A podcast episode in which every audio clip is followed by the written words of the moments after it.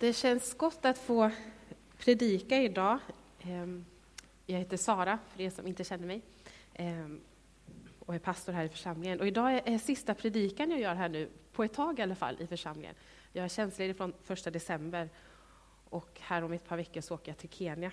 Ehm, så det känns ja, men lite speciellt idag. Och jag har verkligen blivit berörd i förberedelserna av Gud. Och jag tror att Gud vill eh, ja, han har verkligen ett ord för oss idag. Vi predikar om självförtroende. Och, eh, och när vi landade, det där temat landade hos mig så slog det an någonting i mig. Ehm, jag läser en eh, kurs på Lillholmens folkhögskola nu, eh, i en själavårdskurs. Och jag tror att för alla oss i klassen så blir det så tydligt att när vi går den här kursen och pratar om själavård så gör vi det också, vi kommer med våra liv. Och vi kommer också med vår egen eh, brustenhet och våra egna erfarenheter, både bra och dåliga. Eh, och vi bearbetar också våra egna liv när vi samtalar om själavård.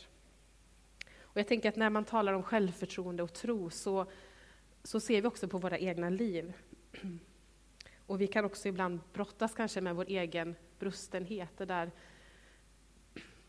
temat som, jag, som är för den här predikan är att eh, din brustenhet är inte ett hinder för Gud. Och det där brustna, det är liksom, ja, men det som kanske har varit svårt i livet, eller det som vi kämpar lite med, det där som vi inte är så stolta över, eh, de där tvivlen vi har, eller vad det nu är, det kan vara olika för oss. Det kan få oss att tvivla ibland. Kan Gud använda mig? Kan jag vara ett vittne för Jesus? Kan jag vara en, en ledare? Och man kan känna men jag har så många eh, saker som jag bearbetar själv, eller jag har många inre sår, eller jag, jag kämpar med olika saker i mitt liv. Jag kanske har det svårt i vissa relationer, eller det, det är tufft med ekonomin, eller ja, jag är lite osäker, jag har inte så, så starkt självförtroende. Eller kanske att man kämpar med sin fysiska hälsa eller sin psykiska hälsa. Och jag tror att ibland så kanske vi tänker att ja, men först så ska jag bli klar, först så får jag bli hel och sen kan Gud använda mig. Eh, och att man kanske jämför sig med andra, men de där, den där personen, de, de har kommit lite längre, de, de eh, är lite bättre. Eh, de är mer hela. Men jag tror att problemet är, och särskilt idag när vi har sociala medier, så är att när vi jämför oss med andra så är det ofta att vi jämför vårt eget värsta med andras bästa. Liksom. Och i sociala medier är det ju tydligt att vi kan jämföra vårt våra inre trasigheter eller våra problem med andras välpolerade yta. Och det blir inte riktigt rättvist, för vi vet inte vad andra kämpar med också. Och eh, ofta så tror jag, jag tror att Gud vill eh, komma med uppmuntran på det här området. Och det är lätt för oss att jämföra oss med andra. Och jag har själv varit där väldigt många gånger och kämpat med det här att liksom se, ja, men, hur kan Gud använda mig? Och jag kämpade med saker i mitt liv och dömde mig själv mycket. Eh, och jag tror inte att jag är ensam i det, att ha den erfarenheten. Och samtidigt så när jag kämpade med mig själv så, och kände men hur kan Gud använda mig, så använde han mig ändå, eller jag var ändå i funktion på något sätt. Men det var också en, en tid när jag kanske ja, men inte hade så gott självförtroende i det. Men för mig så har jag fått uppleva att Gud har gett mig mer frihet på det området. Och min bön idag är att, att, vi, fler, att vi alla skulle få uppleva eh, frihet, eh, att få känna ett självförtroende i Gud. Eh, I söndags så predikade Elisabeth om, också på temat om självförtroende, om det här att inte skämmas för evangeliet. Och idag är min ingång lite mer att kanske att vi ibland skäms för oss själva. Eh, och att det kan eh, ta på vår själv, vårt självförtroende. Och temat är Din brustenhet är inte ett hinder för Gud. Och vi ska läsa en, en bibelberättelse från Lukas kapitel 7, från vers 36. Min röst är lite ansträngd, så jag har lite vatten här om det behövs. Vi läser från Lukas kapitel 36, eller kapitel 7, vers 36. Och här får vi möta en men en, en kvinna som möter Jesus som på olika sätt säkert kände sig ganska brusten. En av fariseerna bjöd hem Jesus på en måltid och han gick hem till farisén och la sig till bords. Nu fanns i staden en kvinna som var en synderska. När hon fick veta att han låg till bords i farisens hus kom hon dit med en alabasterflaska med balsam och ställde sig bakom honom vid hans fötter och grät. Hon började väta hans fötter med sina tårar och torkade dem sedan med sitt hår och hon kysste hans fötter och smorde dem med sin balsam. Farisén som hade bjudit in honom såg det och sa för sig själv hade han där varit en profet så hade han vetat vad det är för en kvinna som rör vid honom, att hon är en synderska. Då sa Jesus till honom, Simon, jag har något att säga dig. Han svarade, Mästare, säg det. Två personer stod i skuld till en penningutlånare. Den ene var skyldig 500 denarer, den andra 50. När de inte kunde betala efterskänkte han skulden för dem båda. Vem av dem kommer nu att älska honom mest? Simon svarade, den som fick mest efterskänkt, antar jag. Och Jesus sa, du har rätt. Sen vände han sig mot kvinnan och sa till Simon, ser du den där kvinnan? När jag kom in i, ditt hus gav du mig inget vatten för mina fötter, men hon har vett mina fötter med sina tårar och torkat dem med sitt hår. Du gav mig ingen hälsningskyss, men sedan jag kom in har du inte slutat att kyssa mina fötter. Du smorde inte mitt huvud med olja, men hon har smort mina fötter med balsam. Därför säger jag dig, hon har fått förlåtelse för sina många synder. Det är därför hon visar så stor kärlek. Men den som har fått förlåtet lite, den som har fått lite förlåtet, älskar lite. Sen sa han till henne, dina synder är förlåtna. Då började de andra bordsgästerna fråga sig, vem är han som till och med förlåter synder? Men Jesus sa till kvinnan, din tro har frälst dig, gå i frid.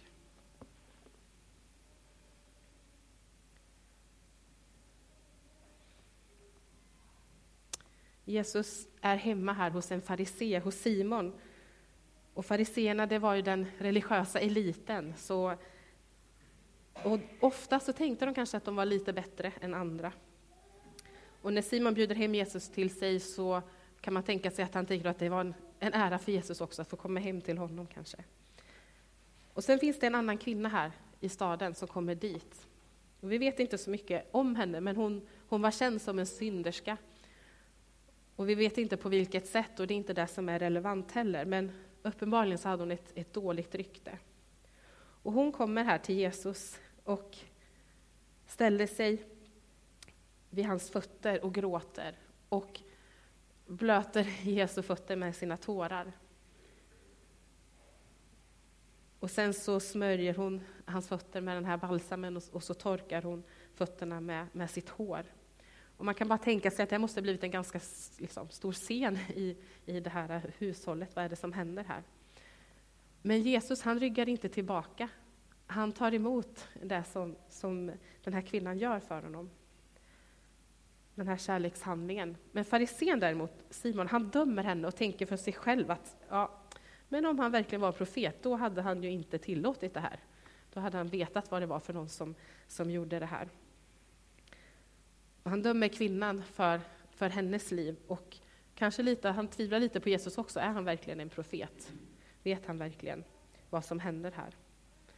Och för fariseerna, så bara att någon som hade, hade syndat tog i en, en syndare, så, så kunde den liksom smitta en med, med synd, att man blev oren.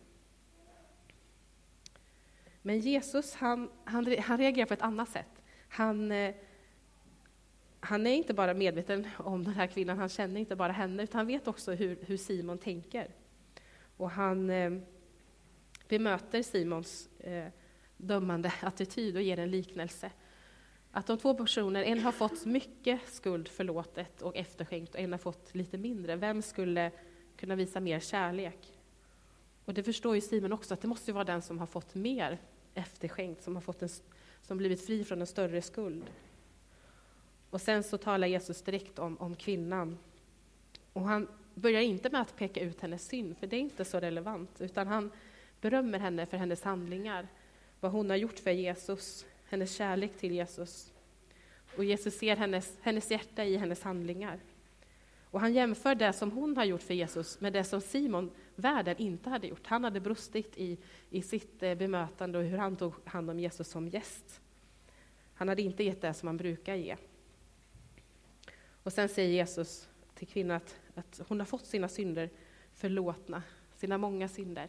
Och därför visar hon också stor kärlek. Och då funderar ju gästerna, men vad är det han säger? Att han förlåter synder. För det var ju något som bara Gud kunde göra. Så det är starka ord Jesus säger här. Och sen säger han till kvinnan, din tro har frälst dig. Gå i frid. Och kvinnan är fri, att hon får gå därifrån. Hon kom eh, frimodigt till Jesus, men, kanske, men brusten, och nu så blir hon befriad. Hon har fått mycket förlåtet och då kan hon också ge mycket kärlek. Och jag tycker det är så vackert perspektiv som Jesus har här, att om vi har mer saker som har blivit förlåtna, om vi har mer brustenhet i våra liv, så kan vi också ge mera kärlek.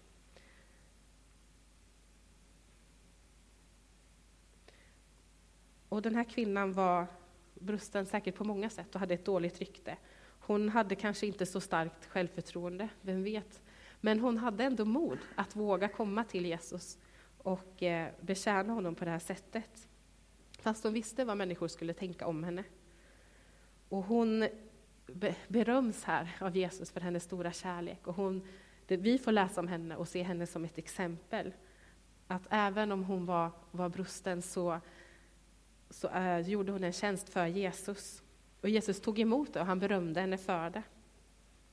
Och jag tänker att det, här, det finns så många andra exempel i Bibeln på människor som inte är perfekta och som har olika saker i sitt bagage eller i sitt liv, eh, men som Jesus använder och som Gud använder.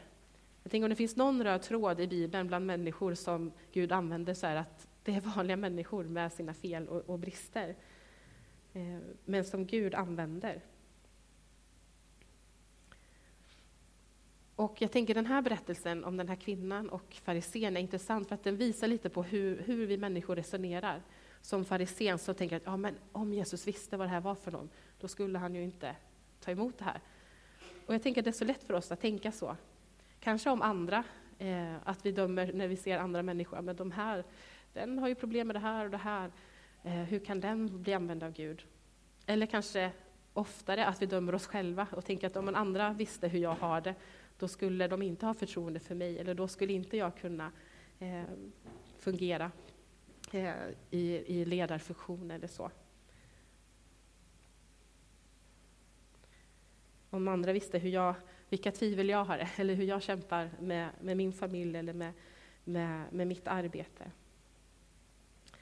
Jag tror att det finns ett, ett tilltal till oss här idag i den här bibelberättelsen, och också i, i Simons respons han dömde kvinnan för hennes brustenhet och hennes synd. Och hur är vårt klimat i vår församling? Hur möter vi människor? Kan man känna att när man kommer hit att här kan jag få komma med allt som finns i mitt liv?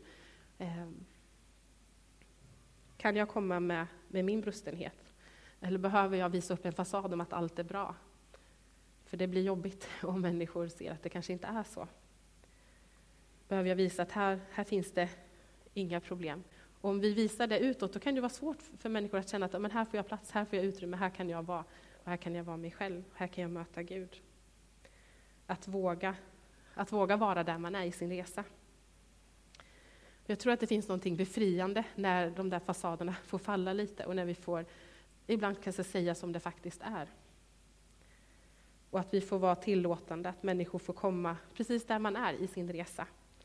Eh, och det är gott nog. Och där möter Jesus oss.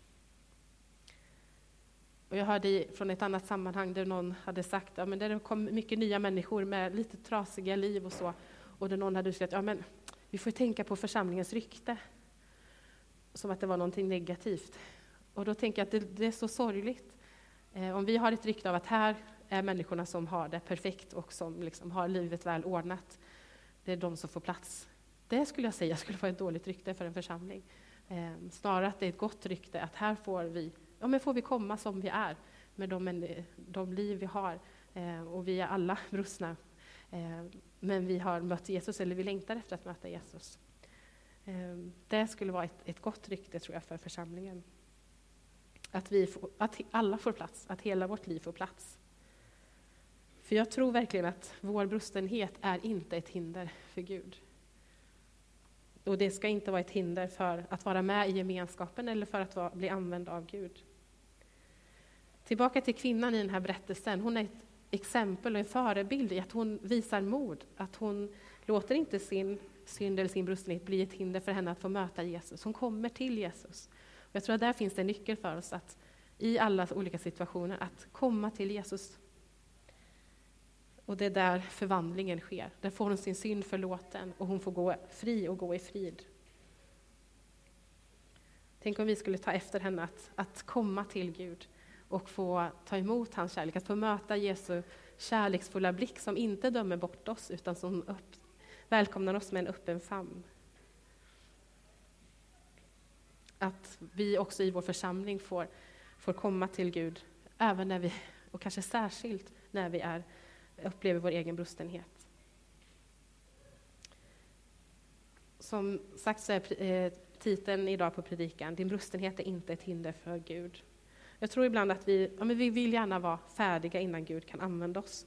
Men jag tror att sanningen är verkligen att vi blir aldrig helt klara, vi blir aldrig helt färdiga eller helt hela, eller helt och fullkomligt heliga på den här sidan evigheten. Utan vi är alla på en resa. Och inte bara att brustenheten inte är ett hinder för Gud, utan jag tror faktiskt att det är en, en möjlighet för Gud. Han verkar i oss och genom vår brustenhet. Och jag vill läsa från Andra Korinthierbrevet 4, vers 5-7. Jag tror Elisabeth läste det här förra söndagen också, men det är så bra så det, det är värt att läsa igen. Då skriver Paulus så här, vi predikar inte oss själva, utan Jesus Kristus som Herren och oss som era tjänare för Jesus skull. Gud som sa, ljus ska lysa i mörkret, han har lyst upp våra hjärtan för att kunskapen om Guds härlighet som strålar från Kristi ansikte ska sprida sitt ljus. Men denna skatt har vi i lerkärl för att den väldiga kraften ska vara Guds och inte komma från oss. Och Det här är så viktigt. Vi predikar inte oss själva. Det är inte vi som är räddarna, som är lösningen, utan vi predikar Jesus Kristus som Herre. Det är han som är, som är lösningen. Och vår brustenhet, vår osäkerhet eller våra fel och brister, det är inte ett hinder för Gud. Ehm, och det är så tydligt i det här bibelordet att det visar ju bara att det är, vi, det är inte vi som ska ha äran, utan det är Gud som ska ha all ära. Vi har inte koll på allt. Vi är alla får som har gått vilse och som sen den goda herden har liksom funnit och tagit hem igen. Och vi vill nu peka på, det, på Jesus, på den goda herden för andra människor. Och Jesus Kristus är den här skatten som vi får ha i våra bräckliga lerkärl, liksom, som ibland är spruckna, men ett sprucket lerkärl, det är också då skatten inuti kan lysa igenom. Det tror jag är verkligen någonting som Gud vill skicka med oss idag, att han verkar i oss, igenom oss. I vår svaghet så, så skiner hans kraft igenom. Och jag vill läsa ett annat bibelord som verkligen varit ett nyckelbibelord för mig i många tider i livet, när jag har verkligen upplevt att jag blivit buren av Gud, när jag har kämpat i mitt eget liv. Ehm, och det är från Andra Korintierbrevet också, vers, kapitel 12, vers 9. Då står det så här, men han svarade mig, min nåd är nog för dig, för min kraft fullkomnas i svaghet. Därför vill jag hellre berömma mig av min svaghet, för att Kristi kraft ska vila över mig. Det är inte bara att Gud kan använda oss i vår svaghet, utan hans kraft fullkomnas i svagheten. För Guds nåd är nog för mig och för dig. Paulus säger till och med att han vill berömma sig av sin svaghet. Jag tror att ibland för oss så vill vi, vi kanske kan acceptera att det finns svaghet, men vi vill helst gömma det lite. Vi vill, det är inte så att vi berömmer oss i det. Vi kanske tycker det är lite jobbigt att se vår egen, egen svaghet. Men jag tror att Gud vill visa det för oss för att visa att han är den som kommer med kraften, att hans kraft fullkomnas när vi inser vårt beroende av Gud. Att vi kan bli använda av Gud i vår svaghet. Vår brustenhet är inte bara inte ett hinder för Gud, utan det är en möjlighet för Gud att få skina igenom oss. Och det får bli tydligt att det är hans kraft som verkar. Elisabeth sa i sin predikan i söndags att när vi har mött Jesus på botten eh, i våra liv, då blir också tron på honom en grund i vår identitet. Och jag tror att det finns en styrka här, att när vi får möta Jesus i vår svaghet, när vi känner att vi är på botten, då blir han en grund som vi kan stå på. Och jag, I veckan här så sjöng vi en, en lovsång eh, och där jag fastnade för en strof som, där det står så här. Bruten skyndar till dig, för du är en öppen famn. Att när vi är brutna så kan vi skynda oss till Gud, för vi vet att han står där med en öppen famn. Han är en öppen famn. Och det är så många människor som har fått uppleva det, och jag tror att vi också får uppleva det. Att i vår svaghet, i vår brustenhet, så blir det en kontaktyta med Gud, där Gud kan verka, där vi ser att vi är så beroende av honom. Och att kraften kommer från honom, inte för oss själva. Så när du tänker på ditt eget liv och ser dina brister, så tryck inte ner dig själv för det, utan kom till Gud och låt honom få, få verka i dig och genom dig. Det är inte ett hinder för Gud, utan det är snarare en, en möjlighet. Och faktiskt just det som du har gått igenom, eh, den kanske sjukdomsperiod eller om det är utmattning eller utmaningar på olika sätt. Ehm, den brottningskamp eller de tvivel som du har haft, där du har fått möta Gud, just det kan vara liksom möjligheterna för Gud att använda dig i bemötandet med andra människor. Bemötandet med andra människor där, där man andra kan känna att det är inte bara jag som har gått igenom det här, det finns, jag är inte ensam. Och jag tror faktiskt att det är så när vi själva har brottats lite i livet så är, har vi kanske lite mer eh, barmhärtighet med andra människor och lite mer empati för andra. Och vi kan också vara ehm, när vi är öppna med det också, också får uppleva Guds hopp i det, så kan vi också ge det vidare till andra människor. En själavårdare sa till mig en gång att hon trodde att ja, en anledning att människor kanske kände förtroende för henne, eh, att komma till henne i samtal, var att, att hon också, de kunde se att hon också hade gått igenom saker i livet och att hon hade en slags, hon uttryckte det så fint, en slags trasighet som har blivit läkt. Eh, och jag tror att det finns någonting fint där som Gud gör i oss. Han, han kan använda oss eh, i vår brustenhet och vi kan komma till Gud i det. Men han lämnar oss inte bara som brustna, utan han, han helar också, han läker oss också. Men det är en resa och en process och som Gud är med oss i och genom. Men vi får vara de där bräckliga ledkärlen som, som är märkta av livet, men som Guds ljus kan lysa igenom. Jag tror att Gud vill lysa på oss och genom oss och eh, möta oss idag Eh, och komma med hans eh, helande och upprättelse. Och vi kommer ta tid i förbön. Och jag vill eh, uppmuntra er som, för dig som känner, att jag tvivlar på om Gud kan använda mig. Jag, jag har inte så gott självförtroende. Ehm, om det är brustenhet eller olika saker i ditt liv som, du, som blir ett hinder för dig. Eh, om det är tvivel eller synd eller misstag eller att man bara känner sig långt bort ifrån Gud. Vad det än är, så låt inte det hindra dig. Kom till Gud. Han är en öppen famn. Han vill möta dig idag och han vill eh, komma med upprättelse för dig idag. Det första vi kan göra är att komma till Gud, sen gör han också resten. Vi vill gärna be för dig, så kom till förbönsplatsen. Jag tror också att det finns en uppmuntran, ja, men verkligen få ta emot eh, helande och, och läkande att Gud vill eh, möta med, med, sin kraft idag. Så kom till förbönen om du längtar efter, efter Guds helande hand. Jag tror också att det finns ett tilltal för oss som kanske har lite svårt med brustenhet och med svaghet, kanske dels hos oss själva, men också kanske hos andra, och där det lätt blir att vi dömer oss själva eller andra. Så vill Gud också möta oss i det och befria oss ifrån det. Förbönsplatsen är öppen. Eh, Agneta kommer sitta här nere på förbönsplatsen och jag sitter här framme. Vi vill jättegärna be med dig och för dig. Det kan också vara något helt annat som du vill ha förbön för. Och jag vill också uppmuntra, och ibland kan man känna att man behöver samtala med någon lite, man kanske behöver bearbeta det lite. Och det finns en, en grupp, Vi finns för dig-gruppen, människor i vår församling som, som finns tillgängliga för samtal. Så ta den möjligheten också, eh, om du vill det. I bönen kommer vi också få sjunga tillsammans, lovsång. Man kan också tända ljus här och där nere. Eh, vi har också en, förbön, en böneplats här med en tackgirlang som barnen fyllde på här igår, där man kan skriva ner någonting man är tacksam för till Gud och eh, tejpa fast det i den här girlangen. Vi har också världskartan där nere och man kan be för, för vår värld, som också är brusten och som behöver Guds helande. Men jag inleder med att be och sen så får vi gärna resa oss upp och eh, vara med i, i lovsången och i bönen. Far, jag tackar dig för din kärlek. Tack för att du är en, en öppen famn. Tack för att du ser var och en av oss. Och du ser hela våra liv. Både det som, som vi är glada och tacksamma för, och också det som vi kämpar med, Gud. Men jag tackar dig för att vi inte behöver dölja någonting för dig. Tack för att vi inte behöver skämmas inför dig. Tack för att du ser allt och du älskar hela oss, Gud. Och jag ber för oss var och en att du ska ja, men med din heliga Ande komma och tala och berör eh, på det sätt som du vill.